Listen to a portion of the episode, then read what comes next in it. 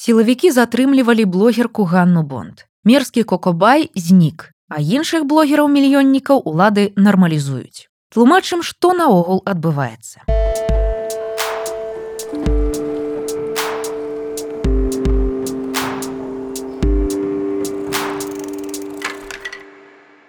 У кастрычніку стала вядома пра затрыманне папулярнай блогеркі Ганны Бонд. Да гэтага на дзяржаўнае тэлебачанне пачалі актыўна прыходзіць вядомыя беларускія інфлюенсеры з пакаяннымі заявамі. Мы вырашылі разабрацца з тым, што цяпер адбываецца з блогерамі ў Беларусі, а таксама даведаліся ў эксперткі, чаго трэба чакаць. Як нармалізуюць папулярных блогераў. Ціск на блогераў пачаўся яшчэ ўлетку. Адзін з яскравых прыкладаў адбыўся ў ліпені гэтага года.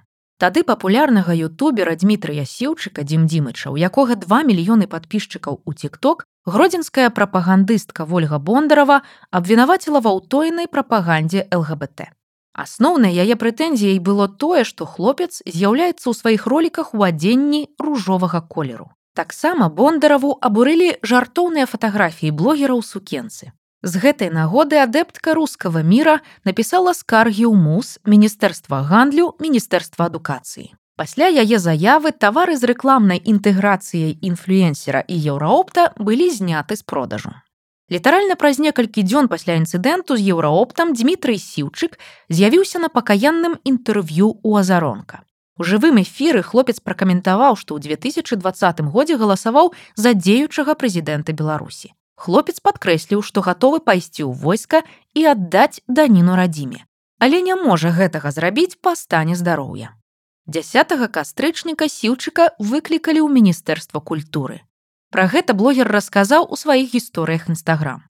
Мы пагаварылі наконт майго контенту, унеслі правільныя карэкціроўкі, як і ў любой іншай нармальнай працы. Што магу сказаць? Яшчэ раз паўтаруся, што я нармальны чалавек прапагандую толькі здаровы лад жыцця і правільныя каштоўнасці. Ніякія іншыя расказаў сіўчык.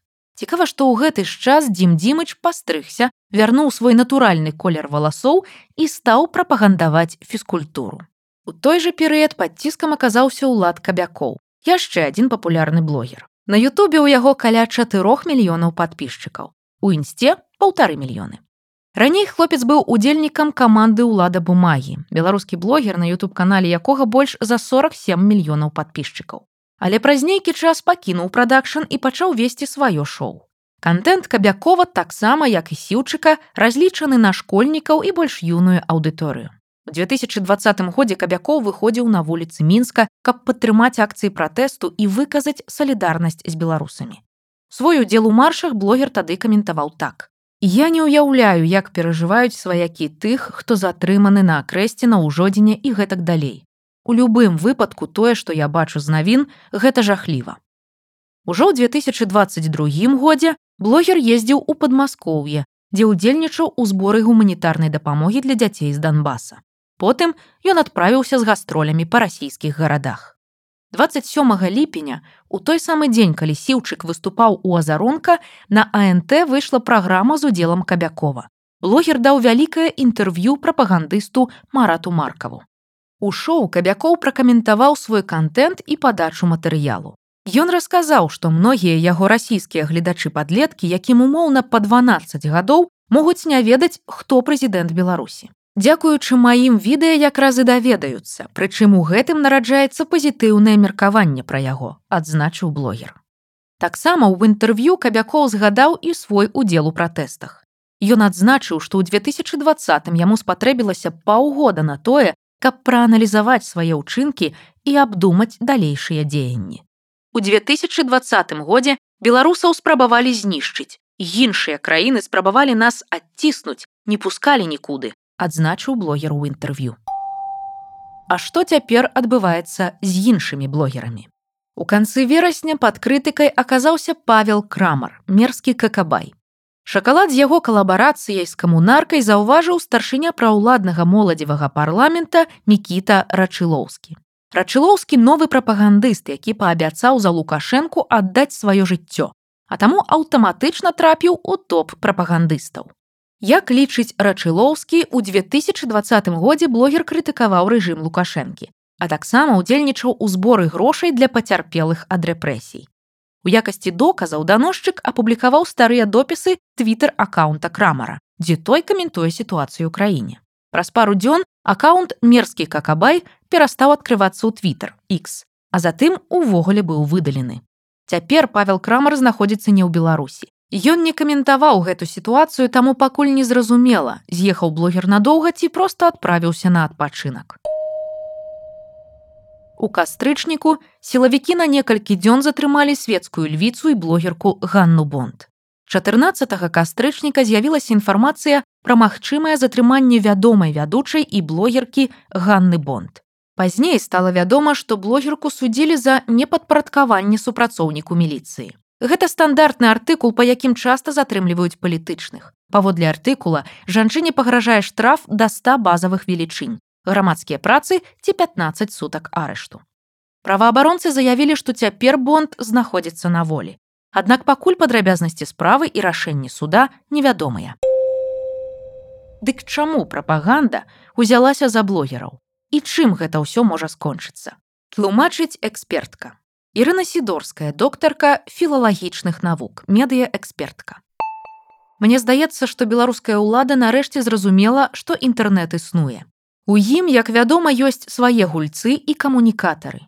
Сёння нельга працаваць беларускай аўдыторыяй толькі праз тэлебачанне ці друкаваныя СМ. Існуюць блогеры і ютуберы, пра дзейнасць якіх рэжым яшчэ даўно павінен быў паклапаціцца. У лютым 2024 года у Беларусі адбудуцца парламенцкія выбары.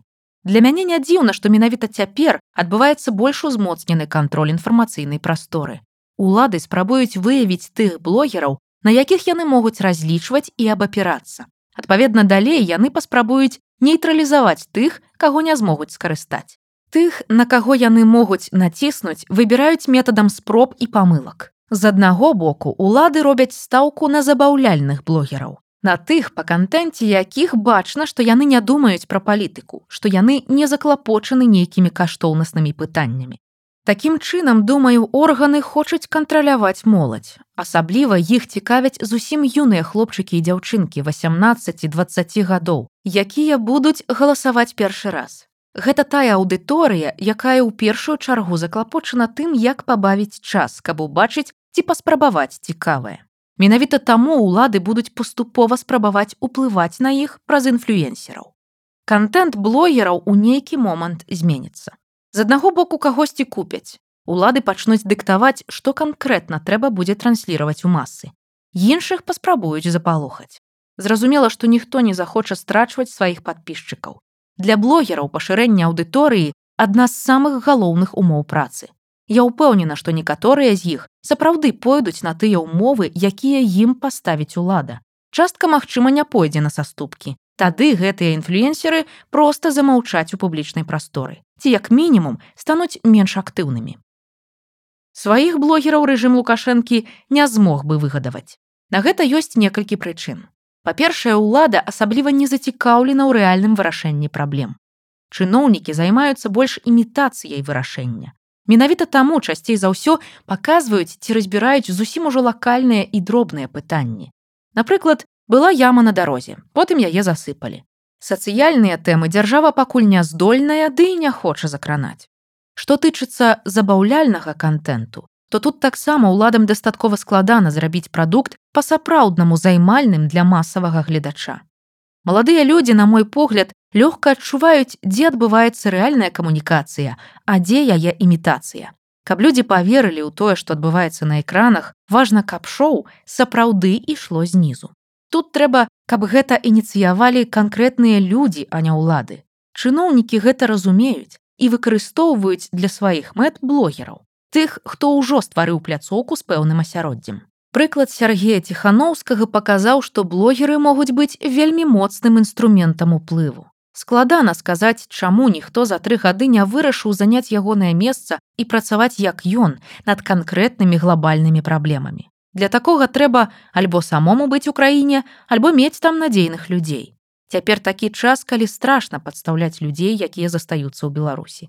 Сёння ўлада не ўспрымае ніякую адмоўную зваротную сувязь. Калі людзі сігналізуюць пра нейкую праблему, чыноўнікі бачаць гэта найперш як крытыку. Замест таго, каб вырашыць запыт, яны хутчэй пачнуць расправу над людзьмі, якія гэту тэму ўздымаюць. Думаю, таму ніхто так і не займае нішу ціханаўскага. Мяркую, што рэпрэсіі толькі ўзмоцняцца. Зноў жа, усё таму, што чыноўнікам важна, каб людзі прагаласавалі пэўным чынам. Або прынамсі, каб аўдыторыя не рабіла таго, што не ўваходзіць у план дзяржавы.